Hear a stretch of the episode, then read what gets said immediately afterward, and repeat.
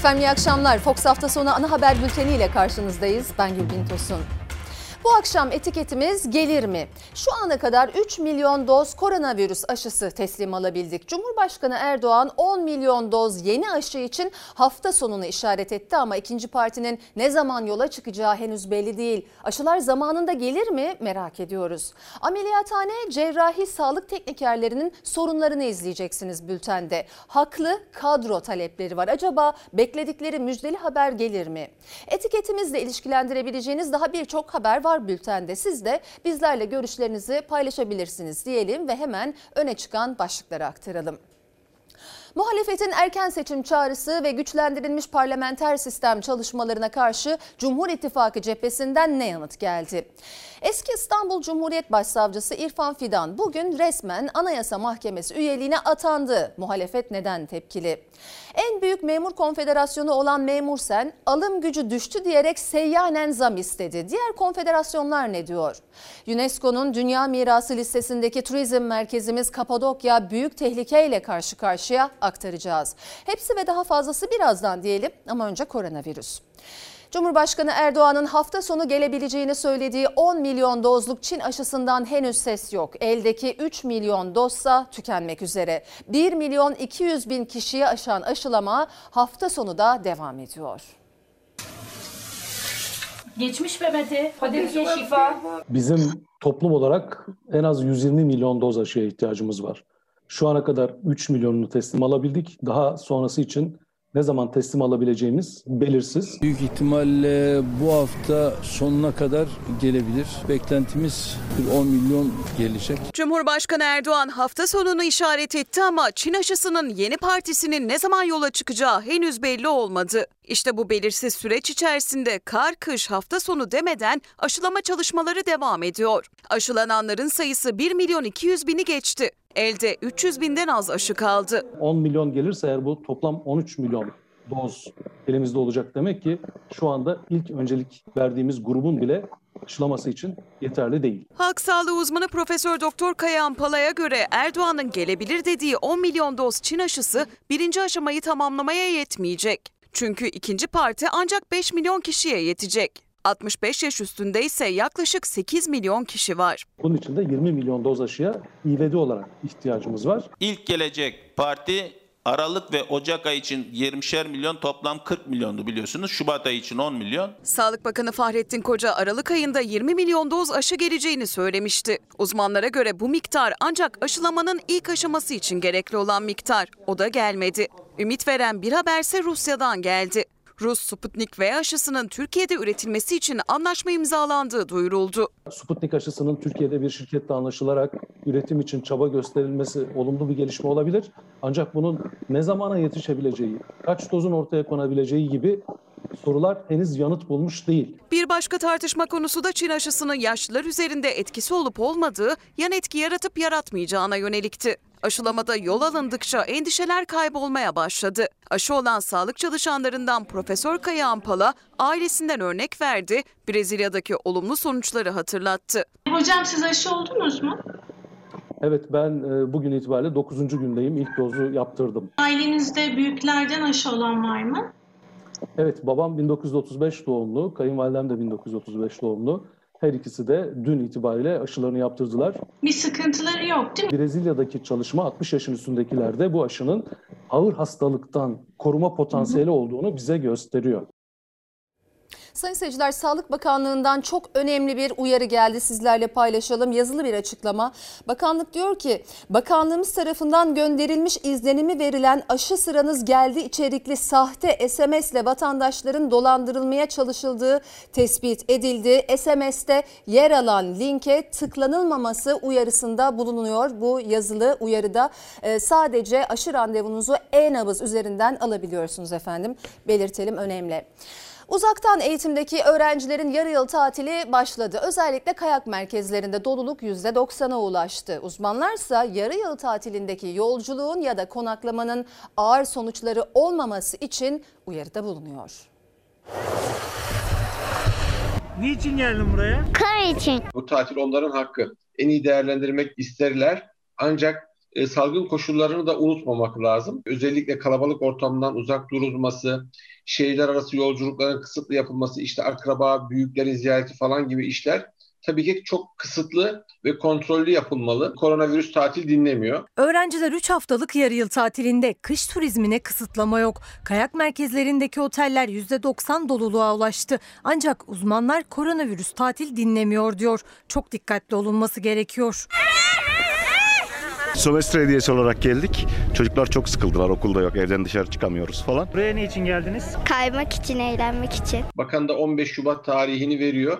Öğrencilerin bir an önce okullarına kavuşması için bu tedbirler konusunda e, işbirliği içinde olmaları, tatil e, beldelerine tabii ki hani gitmek her zamanki yaşadıkları şeyler bu yıl farklı olma, olduğunu kabul etmek durumundayız. Nasıl restoranlar önlem almıştı aynı önlemleri almışlar devam ediyorlar. Otellerde önlem alındı ama yolculuğundan ortak kullanılan alanlara kadar koronavirüs tehdidi devam ediyor. İstanbul Tabip Odası Genel Sekreteri Profesör Doktor Osman Küçük Osmanoğlu çocukların virüsü yaymadaki rolüne dikkat çekiyor. Çocukların bu konuda Hani tabii ki hastalığı daha hafif geçirdiği baştan beri söyleniyor ama salgının yayılmasında çocukların da taşıyıcı olabileceği hatta kendilerinin hastalanabileceği unutulmamalı. Sömestr tatilinin başlamasıyla birlikte görüldüğü gibi insanlar kayak merkezine akın etmeye başladı. Şu anlık otelimizin doluluk oranı %90 civarlarında gidiyor. Dolulukla birlikte tehlike de artıyor. En temel önlemlere maske, mesafe ve hijyen tedbirlerine uyulması şart. Çünkü koronavirüs tablosunda hala istenilen seviyeye ulaşılabilmiş değil. Günlük vaka sayısı 6000'in altına düşse de can kaybı yüksek. Mutasyon nedeniyle alınan tedbirlere ise yenisi eklendi. Brezilya ile uçuşlar karşılıklı durduruldu. Özellikle bu şehirler arası yolculuklar tatille ilgili de olsa büyük bir risk oluşturuyor. Özellikle ülkeler arası. Tekirdağ'dan geliyorum. Artık kaçtık geldik buralara. İngiltere'den mutasyona uğrayan virüsle ilgili endişe verici bir açıklama geldi. Başbakan Boris Johnson mutasyonun daha ölümcül olduğuna dair kanıtların olduğunu duyurdu. Mutasyonun 60 ülkeye yayılması üzerine alınan önlemler de sıklaştırıldı.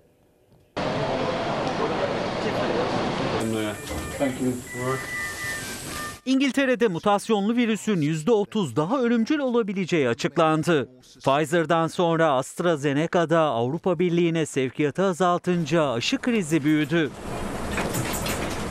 Dünya hem Covid-19'la hem de mutasyonlu virüsle mücadele ediyor. Salgında vakalar 100 milyon sınırında. Tedbirlere rağmen can kayıpları artarken İngiltere Başbakanı Boris Johnson mutasyonlu virüsle ilgili endişe veren cümleler kurdu. That in addition to spreading more quickly, it also now appears that there is some evidence İlk veriler mutasyonlu virüsün %30 daha ölümcül olduğu yönünde. Bilim insanlarına göre bu verilerin daha iyi araştırılması ve ispatlanması lazım. 60 ülkeye yayılan mutasyona karşı önlemler artırıldı. Belçika önümüzdeki haftadan itibaren zorunlu olmayan tüm yurt dışı seyahatlerini yasakladı. Fransa'da ülkeye girenlere negatif test sonucu şartı getirdi. Bir haftalık karantinayı zorunlu kıldı. Avrupa'da aşı teslimatındaki kriz derinleşti. Pfizer-BioNTech'in üretimi artırmak için Belçika tesislerinde inşaat çalışmasına başlaması aşı üretimini düşürdü. Teslimatlar Şubat ayı başına kaldı. Almanya'da aşı tedarik edemeyen bir eyalet sağlık çalışanlarını aşılamayı geçici olarak durdurdu. Oxford AstraZeneca ise düşük üretimi gerekçe göstererek Brüksel'e ilk aşı sevkiyatının planlanandan %60 daha az olacağını duyurdu. Tedarikteki gecikme sonrası Macaristan 2 milyon doz Sputnik aşısı için Rusya ile anlaşma imzaladı. Macaristan Rus aşısı alan ilk Avrupa Birliği ülkesi oldu. 56 saatlik sokağa çıkma kısıtlaması yine cuma gecesi başladı. Ancak her kısıtlamada olduğu gibi yine yasak tanımayanlar vardı. Gurbetçiyim burada, kurban olurum. Şimdi 100 promil üzerinde alkol olduğu için polis merkezine götürecekler. Oradan işlemini yapıp bırakacaklar. Başka bir işin yok. Ya oraya götürürler, oraya götürürler. Mecbur kanuni prosedürlerine uyma, uygulamak zorundayız.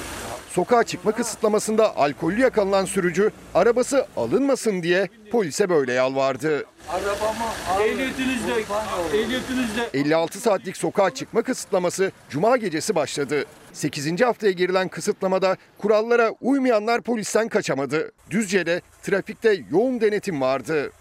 Kanuna, Hayrım sorsun. Tamam. Kurban olurum. Problem yok.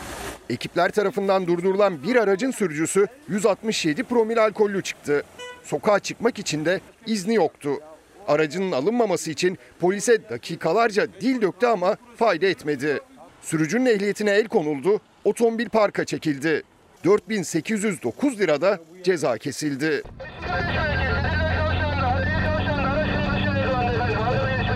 Dur dur çabuk dur. Konya'da ise dur ihtarına uymayan ehliyetsiz ve alkollü sürücüyle polis ekipleri arasında kovalamaca yaşandı. Tam 60 kilometre sonra son buldu.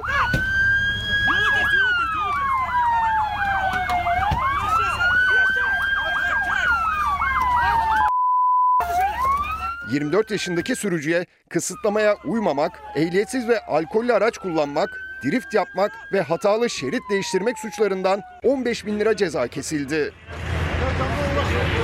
İstanbul'da jandarma Silivri'de yazlık bir eve kumar baskını düzenledi. 11 kişiye 52 bin lira ceza kesildi. Bu görüntü ise Kırklareli'den. Kimlikleri şöyle masaya bırakın. 100 tane masaya yapacağız. 20 metrekarelik konteyner kumarhaneye çevrilmişti. 14 kişiye 88.200 lira ceza yazıldı. Tamam sakin sakin. Sakin. Elazığ'ın Sivrice ilçesinde ise kapalı olması gereken restoran müşteri ağırlıyordu. Jandarma ihbar üzerine baskın yaptı. 8'i kadın 21 kişiye 93.700 lira ceza uygulandı. Hanımefendi lütfen. Pandemi döneminde toplantılar, davetler, partiler yasak. İşte o yasaklara uymayan bu kez bir belediye başkanıydı. Aydın İncirliova Belediye Başkanı 54. yaş gününü arkadaşlarıyla deve çiftliğinde kutladı. Tüm yasakların ihlal edildiği kutlama bir de sosyal medyadan canlı yayınlandı. Karagöz! Bravo! Sosyal mesafe ve pandemi kuralları içe sayıldı. İyi Parti ile belediye başkanı sokak kısıtlamalarının olduğu saatte deve çiftliğinde arkadaşlarıyla doğum gününü kutladı. Hiç çekinmeden de sosyal medyada paylaşıldı. Hareketli bir şey çal. Başkan da bunu yaparsa dedirten görüntüler Aydın'da bir deve çiftliğinde kaydedildi. İncirliova'nın İyi Partili belediye başkanı Aytekin Kaya 54. yaş gününü arkadaşlarıyla birlikte kutlamak istedi. Başkan ve arkadaşları deve çiftliğinde bir araya geldi. Sokağa çıkma kısıtlamasının olduğu saatlerdi. Sosyal mesafe ve maske tedbirlerinin hiçe sayıldığı sazlı sözlü kutlama zaman zaman sosyal medya hesaplarından da canlı olarak yayınlandı. İlerleyen dakikalarda kutlamaya develeri bile dahil ettikleri oldu. Develerin arasında kurulan masada her detay düşünülmüştü. Yemekler getirilmiş, pasta alınmış, mum da unutulmamıştı. Karagöz! Aydın'da ya da bir başka yerde her gün onlarca kişi yasakları ihlal ettiği için cezaya maruz kalırken belediye başkanının yaş gününü kutlaması görüntülerin paylaşıldığı sosyal medyada da büyük tepki topladı.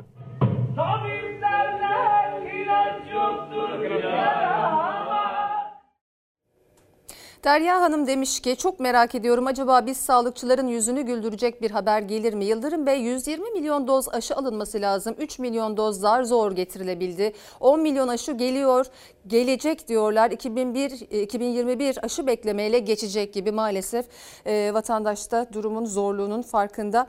E, bir diğer izleyicimiz gelir mi? Bu hafta kapalı esnafların açılması konusunda bilim kurulundan güzel haber gelir mi demiş. E, gel, gelir mi gelmez mi bilemiyoruz. E, gelmese de en azından belli sektörlere destek verilmesi gerektiğini biliyoruz diyelim ve esnafla ilgili esnafın e, bu içinde bulunduğu zor durumla ilgili haberimiz var. Onu da aktaracağız ilerleyen dakikalarda.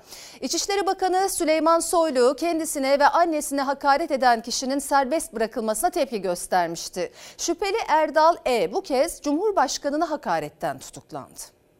Yargı kimsenin sıfatına bakmaz, kanun önünde herkes eşittir. İster yürütmede, ister yargıda görev üstlenmiş olalım, hepimiz yasa tenfiz memurlarıyız. 45 gündür anam hastanede. Annemle fotomun altına küfreden alçak mahkemeye çıkıyor ve adli kontrolle serbest. Ne yapmalıyım? Bakan olsam ne yazar? İki bakanı karşı karşıya getirmişti yargı kararı. Süleyman Soylu'nun annesine hakaret ettiği gerekçesiyle gözaltına alınıp serbest bırakılan zanlı iki gün sonra Cumhurbaşkanı'na hakaretten tutuklandı. Türkiye'de işte hukuk, yargı nasıl işliyor görmesi açısından Sayın Soylu'ya göstermek istiyorum. Size, annenize hakaret eden o meczup Cumhurbaşkanı'na hakaretten tutuklanmış. Yargı bu olmamalı. Hukuk böyle işlememeli. Annesine sosyal medya üzerinden hakaret eden kişinin adli kontrolle serbest bırakılmasına sert tepki göstermişti İçişleri Bakanı. Süleyman Soylu'nun yargı kararına yönelik eleştirilerine Adalet Bakanı yanıt verdi. Bu işleyişi beğenmeyen gider itiraz hakkını kullanır. Yargıya kimse parmak sallayamaz. Bu yargıya talimat verme alışkanlığı artık neredeyse bir refleks olarak gelişmiş. Yani ne demek isteniyor? Tutukla şunu, şunu içeri at, şunu serbest bırak. İki bakanımız e, arasındaki bu sürtüşme de böyle siyaseti magazinleştirmek medyaya da siyasete de çok e, işine geliyor. Hiç de öyle değildir. AK Parti Genel Başkan Vekili Numan Kurtulmuş iki bakan arasında sorun yok açıklaması yaptı. Siyaset kabinedeki tutuklama gerilimini konuşurken Süleyman Soylu'nun annesine hakaret eden kişi bir kez daha gözaltına alındı. Bu kez Cumhurbaşkanı'na hakaretten. Hukuk ve yargı kişiye göre işlediği zaman maalesef bu hale geliyor. Hakimler vesayet altında, yargı vesayet altında. Bütün problem burada. Yasaya göre 2 yıldan az ceza gerektiren suçlarda tutuklama yasak. Soylu'nun annesine hakaret eden kişinin serbest kalmasının nedeni de o yasa. Ama Cumhurbaşkanı'na hakaretin cezası 4 yıla kadar hapis. Aynı sanık Erdoğan'a hakaretten tutuklandı cezaevinde. Muhalefetin erken seçim çağrısı ve güçlendirilmiş parlamenter sistem çalışmalarına karşı Cumhur İttifakı cephesinden erken seçim yok açıklaması geldi. MHP lideri Bahçeli'nin muhalefete yönelik eleştirilerine Yeni Günde hem muhalefet liderinden, liderlerinden hem de kurmaylarından yanıt geldi. iyileştirilmiş ve güçlendirilmiş parlamenter sistem diyoruz. Türkiye tek kişinin yönettiği bir ülke haline evrildi. 84 milyon ülkede yani tek bir kişinin duygularıyla, dürtüleriyle yönetilemez. Zillet İttifakı'nın ana ortakları güçlendirilmiş parlamenter sistemden ne anladıklarını aziz milletimizle paylaşmak, kemikleşen bu muammanın iç yüzünü izah etmek durumundadır. Hiç merak etmesin Devlet Bahçeli. Gerçek bir demokrasiyi inşa eden anayasa değişikliğini hep birlikte yaparız. Kim için? İşçiler için. Kim için? Çiftçiler için. Memurlar için. Emekliler için, gençlerimiz için, kadınlarımız için gerçek bir toplum sözleşmesi yaparız. Devlet Bahçeli muhalefete parlamenter sistemle neyi getirmek istiyorsunuz sorusunu sordu. Yanıtları arka arkaya geldi. Haber Global Televizyon'da konuşan Numan Kurtulmuş da sistem değişikliği için muhalefete seçimi işaret etti. Parlamentoda bulursunuz çoğunluğu. Başka bir sistem teklif edersiniz anayasayı değiştirirsiniz. Seçimle değişecekse buyurun bir seçim yapın diyoruz. Erken seçime davet etmemizin sebebi bu. Bir an önce bu ucube sistemden Türkiye'yi kurtarmak istiyoruz. Cumhur İttifakı olarak kesinleşmiş bir tarih vardır ve bu tarihte Haziran 2023'tür. Cumhurbaşkanı Erdoğan erken seçime kapıyı kapattıktan sonra MHP lideri Bahçeli de açıklama yaptı. O da erken seçim yok dedi. Muhalefetin eleştirilerine karşı Cumhurbaşkanlığı hükümet sistemini savundu. İyileştirilmiş ve güçlendirilmiş parlamenter sistem içeride ve dışarıda güveni sağlayacak, şeffaf ve hesap verebilir bir yönetim demektir. Cumhurbaşkanlığı hükümet sistemi istiklalimizin, güvenliğimizin, milli birlik ve dayanışma kararlılığımızın hem güvencesi hem de güç kaynağıdır. Bu cübe sistem sürdükçe yolsuzluk sürer, yoksulluk sürer, yasaklar sürer. Milletimizin çilesi, gençlerimizin sıkıntısı sürer. Sistemin aksayan tarafları var mı? Olabilir. Ortaya konulan eksikliklerin %95'i uygulamadan kaynaklanan eksiklikler. Muhalefete göre ekonomide, siyasette, dış politikada yaşananların nedeni yeni sistem. İktidara göre ise uygulamadaki hatalar. Cumhur İttifakı sistem korunacak diyor ama muhalefete yol haritanızı açıklayın mesajı da veriyor. İçinde CHP'nin, HDP'nin, İyi Parti'nin ve diğer güdümlü partilerin yer alacağı koalisyon çatısı nasıl tezahür edecek? Hükümet protokolü nasıl hazırlanacak? Hedefler nelerden ibaret olacaktır? İyileştirilmiş ve güçlendirilmiş parlamenter sistem, adil bir düzen, demokrasi ve hukukun üstünlüğünün tesis edildiği konuşan Türkiye demektir. Sistemle alakalı bir çalışma yaptık. Yani 74 maddelik bir anayasa değişiklik paketi. İlgili taraflarla önce bir görüşmek istiyoruz. Bir toplumsal mutabakat arayışıdır. Siyasi partilerle ikili bazda e, görüşeceğiz. T24'de konuşan Babacan sistem çalışmamız hazır dedi. Olası bir sistem değişikliği için muhalefetin anayasal çoğunluğu sağlaması gerekiyor. Bunu belirleyecek olan da bir seçim. Cumhur İttifakı 2023 diyor ama sistem tartışması gün geçtikçe büyüyor. Anayasa Mahkemesi'nin Enis Berberoğlu ile ilgili ikinci kez hak ihlali kararı vermişti. Yerel mahkemenin bu kez ne yapacağı merak edilirken yüksek mahkemeye bugün yapılan bir atamaya da ses yükseltti muhalefet. Eski İstanbul Cumhuriyet Başsavcısı İrfan Fidan bugün resmen Anayasa Mahkemesi üyeliğine atandı. İstanbul Cumhuriyet Başsavcısı İrfan Fidan'ı nasıl Anayasa Mahkemesi üyesi yaptınız? Önce Anayasa Mahkemesi seçimlerini ertelediniz. Sonra Yargıtay üyesi yaptınız. En sonunda Anayasa Mahkemesi üyesi seçildi. İki ay gibi kısa bir sürede başsavcılıktan Yargıtay üyeliğine seçilen İrfan Fidan Cumhurbaşkanı'nın imzasıyla resmen Anayasa Mahkemesi üyesi oldu. Eski İstanbul Cumhuriyet Başsavcısının hızlı yükselişi muhalefetin gündeminde. Sarayın yargı üzerindeki eli İrfan Fidan. İstanbul Cumhuriyet Başsavcısı iken 27 Kasım tarihinde HSK tarafından Yargıtay üyeliğine atandı İrfan Fidan. 4 gün sonra 1 Aralık'ta Anayasa Mahkemesi üyeliği için aday oldu. 16 gün sonra da Yargıtay'daki seçimde en yüksek oyu aldı. 23 Ocak 2021 tarihli resmi gazeteyle de Cumhurbaşkanı kararıyla Anayasa Mahkemesi üyeliğine atandı.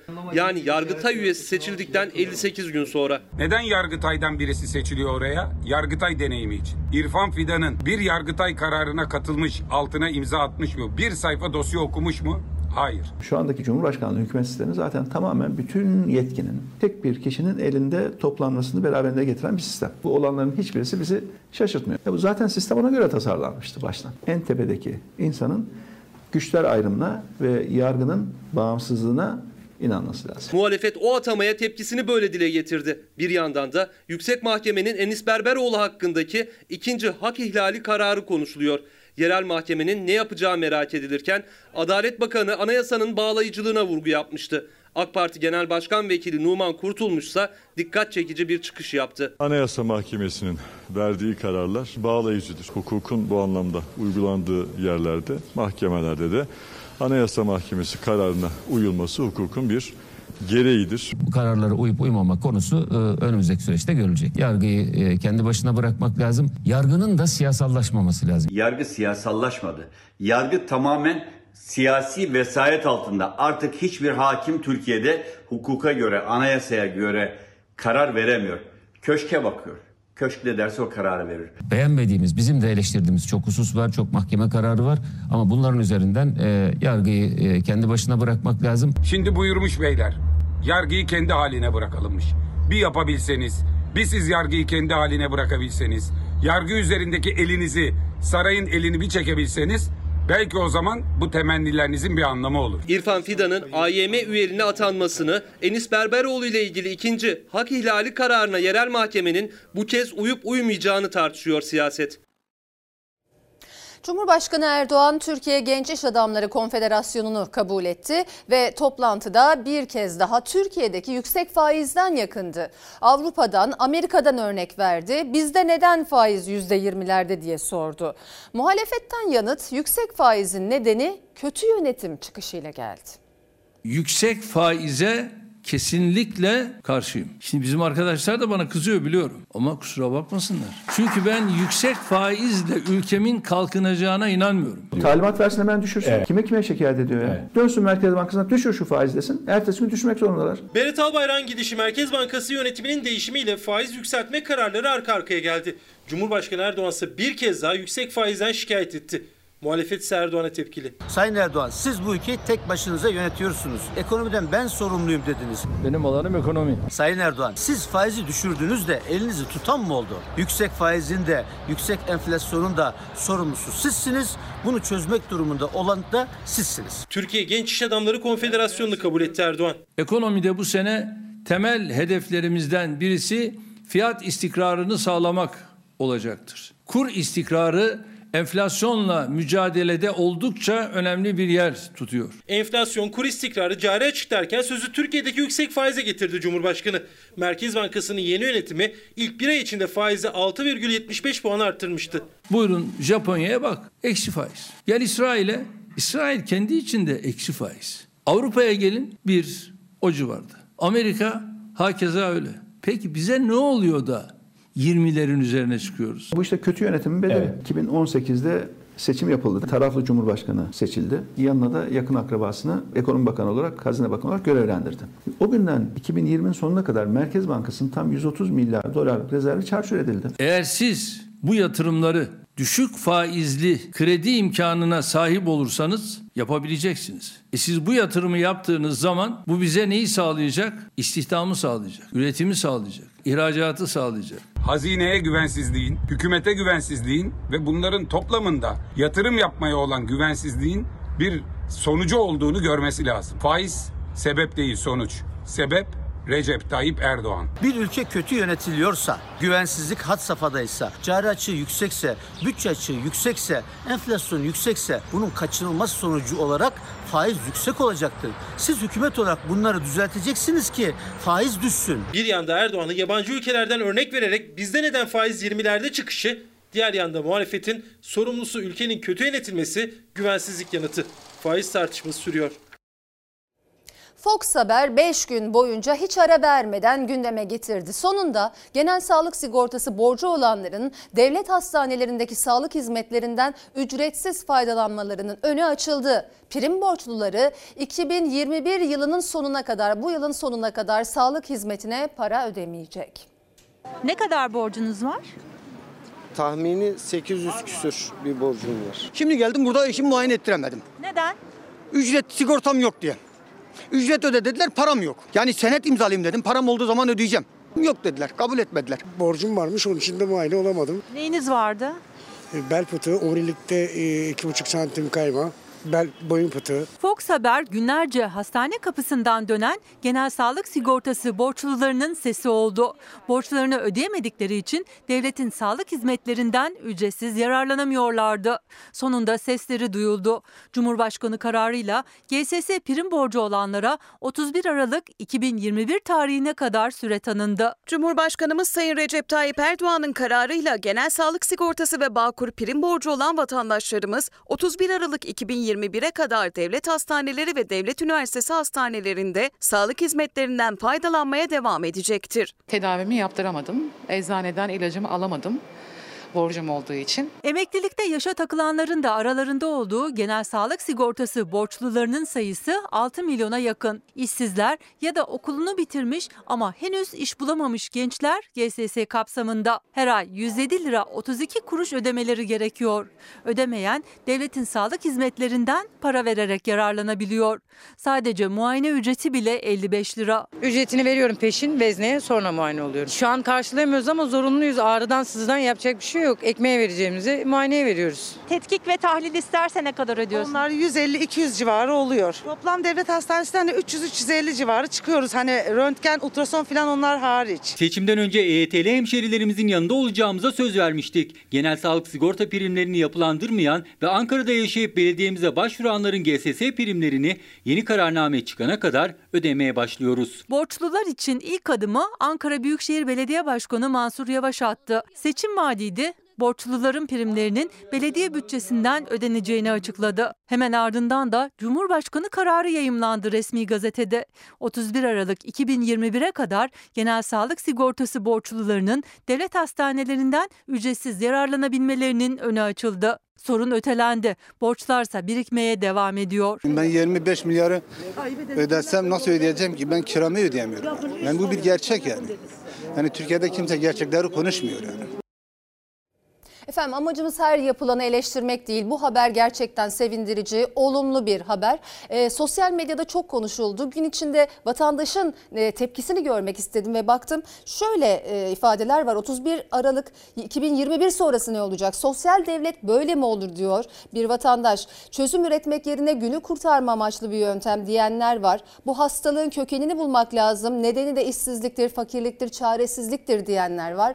Gerçekten e, borçlar silinemez miydi acaba diye sormak gerekiyor. E, hele ki bu salgın döneminde artan yoksullaşan bu dönemde e, bu borçlar silinemez miydi diye sormamız da gerekiyor. Devam ediyoruz. Cumhurbaşkanı Erdoğan'ın kapanan dükkan, şirket yok sözü Nü salgın döneminde kapanan dükkanların camları doğrulamıyor. Çok sayıda kiralık ya da devren yazısı asılı camlarda. Türkiye Odalar ve Borsalar Birliği'nin verileri de kapanan dükkan sayısının bir önceki yıla göre %41 arttığını söylüyor. Kapalı yer çok görürsünüz. Eskiden böyle değildi. Bu hastalık bayağı etkiledi bizi yani. Bazı dostlar bugün de geldi yanıma. Diyorlar ki dükkanlar kapanıyor. Şirketler kapanıyor. Ya kapanan filan yok ki. Her şey ortada. Ama birileri de buralardan nemalanmak istiyorlar. Cumhurbaşkanı Erdoğan kapanan şirket dükkan yok dedi ama Türkiye Odalar ve Borsalar Birliği TOP'un her ay açıkladığı rakamlar aksini söylüyor. TOP'a göre 2020 yılının Aralık ayında önceki yıla göre kapanan şirket sayısı %43 arttı. Kapanan dükkanların sayısındaki artırsa %141'e ulaştı. Açılan yeni şirketler ve dükkanlarsa çok düşük oranda kaldı. Komşunuz kapatmış. Komşumuz kapattı çünkü açıkçası diğer esnaflar da şu anda gizli kapalı zaten. O ne demek? Ee, gücü yettiği kadar açık herkes. Hastalığın dönemine yakalandığı için hiç açamadı yani. Belirli bir dönem açtı ama dayanamadı. Hep öyle kapalı. Hep öyle, burada çok öyle esnaf var yani. Burası Beşiktaş'ın en işlek caddelerinden biri. Caddenin iki tarafında da esnaf var. Tam bu nokta caddenin başı ve esnaf. Salgın sürecinin hiçbir aşamasına dayanamadı. Daha başında kapandı ve bir daha hiç açılamadı. Ve caddenin devamında hamburgerciden sonra hemen 100 metre ileride burası da bir kafeydi. Ancak gelirsizlik karşısında giderlere dayanamadı. O da sonunda kepenk kapattı. Dükkan açık evet ama işler zayıf. Borcunuz var mı? Ya şimdi e, borcumuz var ileriye tarihlere hep arkadaşlarımız olduğu için ileriye tarihlere erteliyoruz. Ürünleri e, sonra öderim diye mi alıyorsunuz malzemeyi? Tabii tabii. Sadece 500 metrenin içinde kapalı olan üçüncü kafe. Gerçi açık olanlarında kepenk indirenlerden hiçbir farkı yok. Bunlar hafta sonu kısıtlaması nedeniyle kapalı olan dükkanlar değil, kalıcı olarak kepenk indirenler. 30 yıldır bu işi yapıyoruz. Siz ne durumdasınız? Ya bizim durumda iyi değil yani. Çok kötü. Gelirimiz bayağı düşük gider yine aynı gider yani. 70-80 bini buluyor yani aylık gider. Aylık e, gelir şu anda çok düşük. Gider aynı geliri yok. Aylardır hesabı şaştı esnafın. Paket serviste geçinebilmeleri zor. Özellikle kısıtlamalar nedeniyle siftahsız gün geçirdikleri oluyor. Camlardaki kiralık yazıları artarken ayakta kalabilen de ne kadar daha direnir kestiremiyor. Şimdi hafta sonu yasak, hafta sonu kimse gelemiyor. Akşam işten sonra yasak, akşam da kimse gelemiyor. Dolayısıyla para akışı durmuş şekilde. Fiyatı arttırmıyoruz ama sürekli bizim ham madde maliyet fiyatlarımız artıyor. Paket servisimiz olduğu halde kapattığımız şubelerimiz de var. Memur enflasyon farkıyla 2021 yılında %7,36 zam aldı. Bu rakama Memur Sen'de itirazını yükseltti bir kez daha. İktidara yakınlığıyla bilinen ve en büyük memur konfederasyonu olan Memur Sen seyyanen zam istiyor. TÜİK gıda enflasyonu %19 diyor. Hissedilen enflasyon bunun da üstünde. Gıda enflasyonundan bakarsak %20-24 gibi bir enflasyonun olduğunu hissediyoruz. Bunun giderilmesi lazım. İşçi, emekli gibi memur da alım gücünün düştüğünden şikayetçi. Memur sende bu mağduriyet üzerinden iktidara %10'luk seyyanen zam yapılmalı çağrısı yaptı. Ama bir başka memur temsilcisi Birleşik Kamu İş'e göre toplu sözleşme masasında zam pazarlığını yapan tek yetkili sendika memur senin talebi samimi değildi. Masada bunlar konuşmadıklarına eminim. Hükümetle yüzde 3 mü olsun, yüzde 4 mü olsun, yüzde 7 mi olsun bunun pazarlığını yaptılar. Bugün çıkıp yüzde 10 daha zam yapılması kesinlikle samimi bir söylem değil. Milyonlarca memur ve memur emeklisini hükümetle pazarlıkta temsil ediyor memur sen. 2020 ve 2021 yılı toplu sözleşme masasını terk etmiş. %3 artı 2,5 zam verilince Çalışma Bakanlığı önünde boş cüzdan eylemi yapmıştı. Enflasyon farkıyla memurun 2021 yılı zammı %7,36. Ankara'da 2020 yılındaki kenar semtlerdeki ev kiraları 600-700 lirayken bugün 1500-2000 lira. %100'ün üzerinde bir artış söz konusu. Kendi e, sendikamdan 10 kişinin sorduğu şey şu. Başkanım elektrik faturanıza %6 mı zam geldi?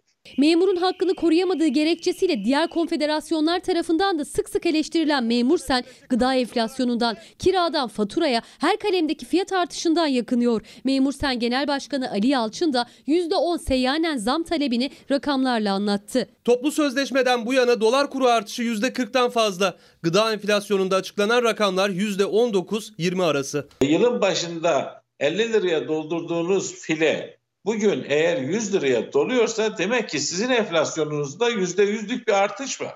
400 liralık seyyanen yapılacak bir zammın en düşük devlet memurunun rahatlatacağı düşüncesindeyiz. Bunun için de sesimizi yükseltiyoruz. Madem hak arayacağız, hükümete derdimizi birlikte anlatalım. Kapalı kapılar ardında hükümetle pazarlık ederek orada kamu çalışanlarına %10 zam istedik diyerek kesinlikle inandırıcı olmuyor. Memur senin %10 seyyanen zam talebini samimi bulmuyor Birleşik Kamu İş Konfederasyonu. En az %30 zam olmalı diyor. Ben %10'un bile hükümetle anlaşmalı olabileceğini düşünüyorum. Talep edilecek olan zam oranı %10 değil %30 olmalı. Sağlık sisteminin görünmez kahramanları onlar. Ameliyat, anestezi teknikerleri, tıbbi laborantlar. Her yıl binlercesi mezun oluyor ama çoğu işsiz. Hepsi kadro bekliyor. Ben yaklaşık 20 bin mezunu olan, görev tanımı belirsizliği nedeniyle özel ve devlet hastanelerinde 2 yıl boyunca aldığı eğitim yok sayılarak istihdam edilmeyen cerrahi ameliyathane teknikerlerinden sadece biriyim. Ameliyathane teknikeri onlar. Türkiye'nin 53 üniversitesinden her yıl yüzlerce mezun veriyorlar. 20 bin tekniker kadro beklerken onlara açılan kontenjan 10 kişiyle sınırlı kaldı. Maddi, manevi ve psikolojik olarak yıpranmış durumdayız. Gelecek kaygısı taşımaktayız. Özel hastanelerde dahi iş bulmakta sıkıntı çekmekteyiz. Ameliyathane teknikerlerinin ameliyata girmesi hastane yönetimin istifiyetine bırakılmış durumdadır. Bu fotoğrafı hatırladınız mı? Sizler rahatça nefes alabilin diye bizler en savunmasız anlarda yanınızdayız. Anestezi teknikerlerinin de sesini duyan yok. Salgın döneminde onlar da canla başla görev almaya hazır ama 80 bin anestezi teknikeri iş bulamıyor. Üstelik bu sayıya her yıl 7 bin yeni mezun daha ekleniyor. Mavi kodda, açılamayan damar yolunda, acil serviste, yoğun bakımda, entübe hastada, ameliyathanede hatta filyasyon ekibinde. Peki bu kadar alanda biz varken neden mağduruz? Bilgi ve tecrübelerimiz ile cerrahi müdahalelerin ilk adımını atan bizler pandemi sürecinde evlerimizde oturmak istemiyoruz. Yaklaşık 70 bin tıbbi laborant da mağdur. Çünkü şehir hastanelerinde onlara iş verilmiyor.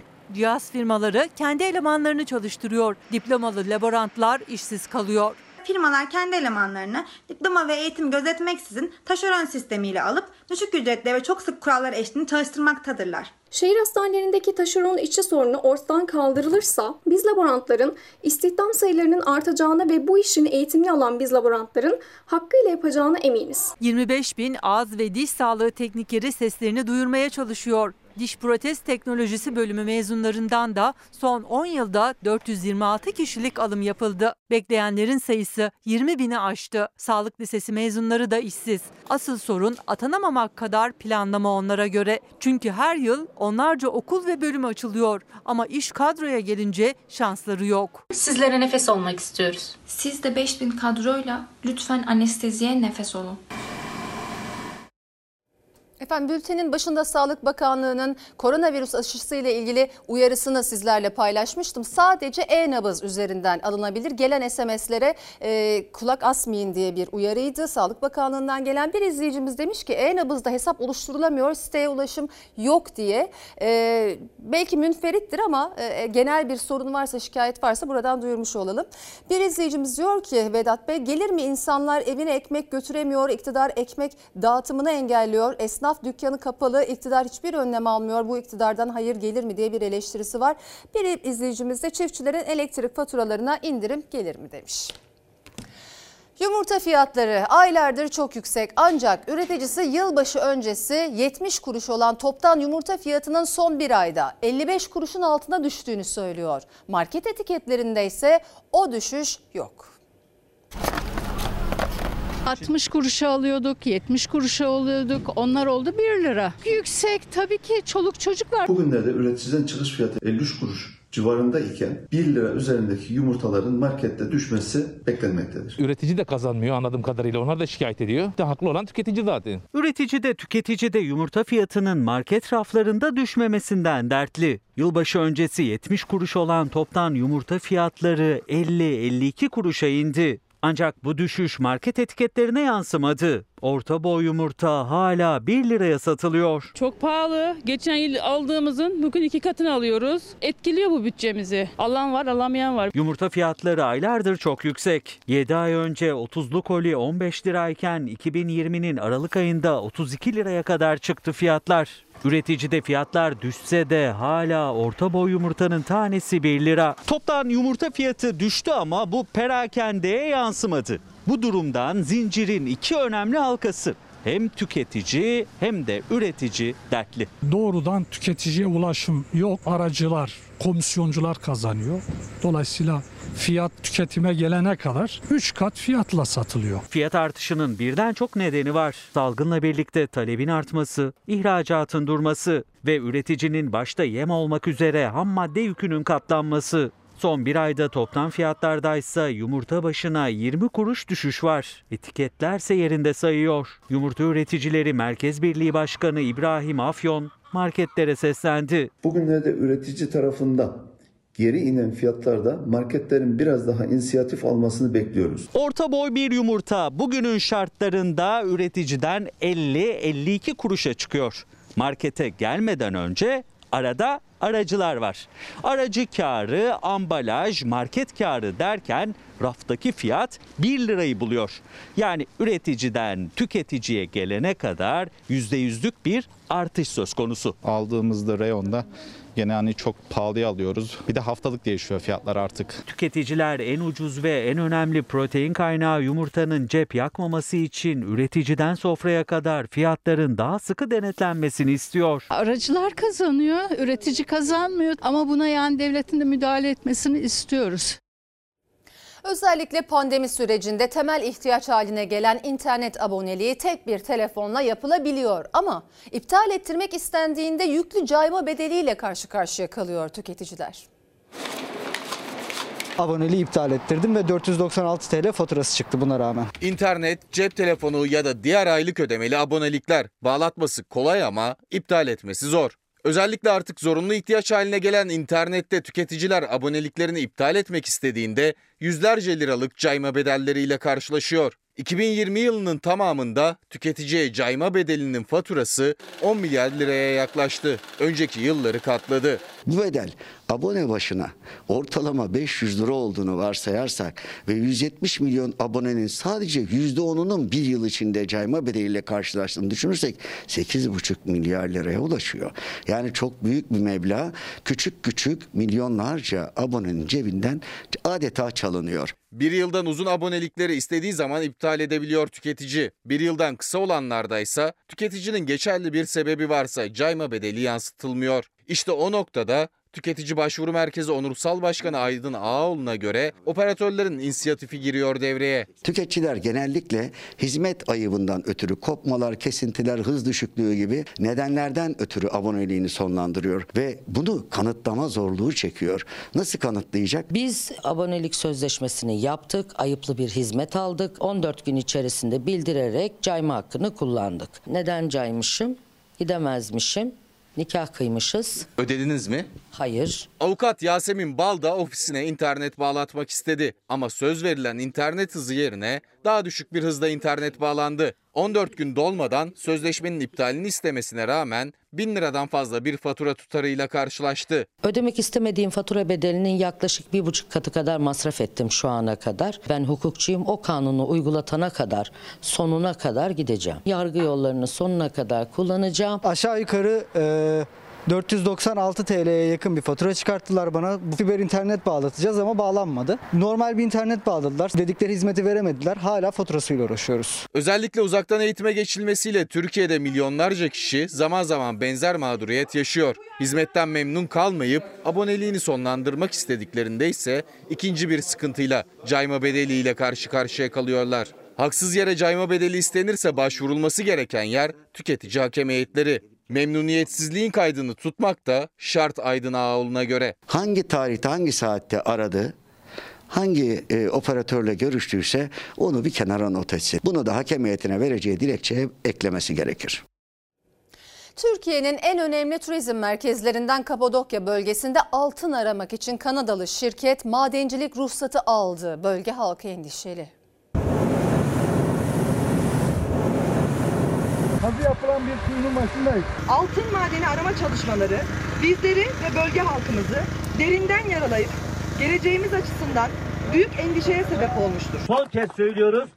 Burada altın madeninin aranmasına izin vermeyeceğiz. Vermeyeceğiz, vermeyeceğiz. Şimdi de Kapadokya altın madeni tehdidiyle karşı karşıya. Kanadalı şirket 1306 hektarlık alanda altın aramak için Enerji Bakanlığı'ndan ruhsat aldı. Bölge halkı ayakta. Bütün bunları yapabilmek de için de ağaçlarımız katlediliyor. Bölgemizin ekim dikim alanının e, böyle e, maden arama işleriyle heder edilmesine asla müsaade etmeyeceğiz. Türkiye'nin en önemli turistik merkezlerinden Kapadokya, UNESCO'nun Dünya Mirası listesinde. Her yıl yüz binlerce ziyaretçiyi ağırlıyor. Ancak eşi olmayan bu bölgenin yanı başında Kaz Dağları'nda olduğu gibi altın madeni için sondaj başladı. Orada yaşayanlar da Kanadalı şirketin maden ruhsatı aldığından o sondajla haberdar oldu. Nevşehir'in Avanos ilçesine bağlı Özkonak ve Göynük köylerinde toplam 1306 hektarlık alanda altın aranacak. Bu siyanür öncelikle topraklarımızı zehirleyecek, işlenmez edecek,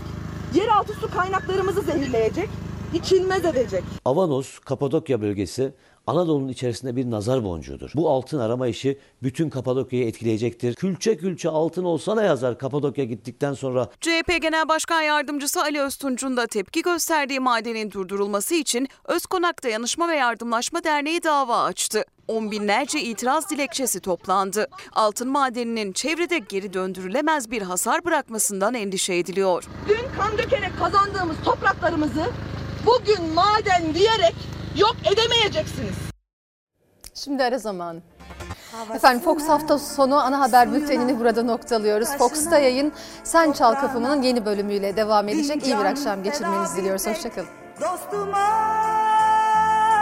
her köşesi cennetin ezilir yerler için bir başkadır benim.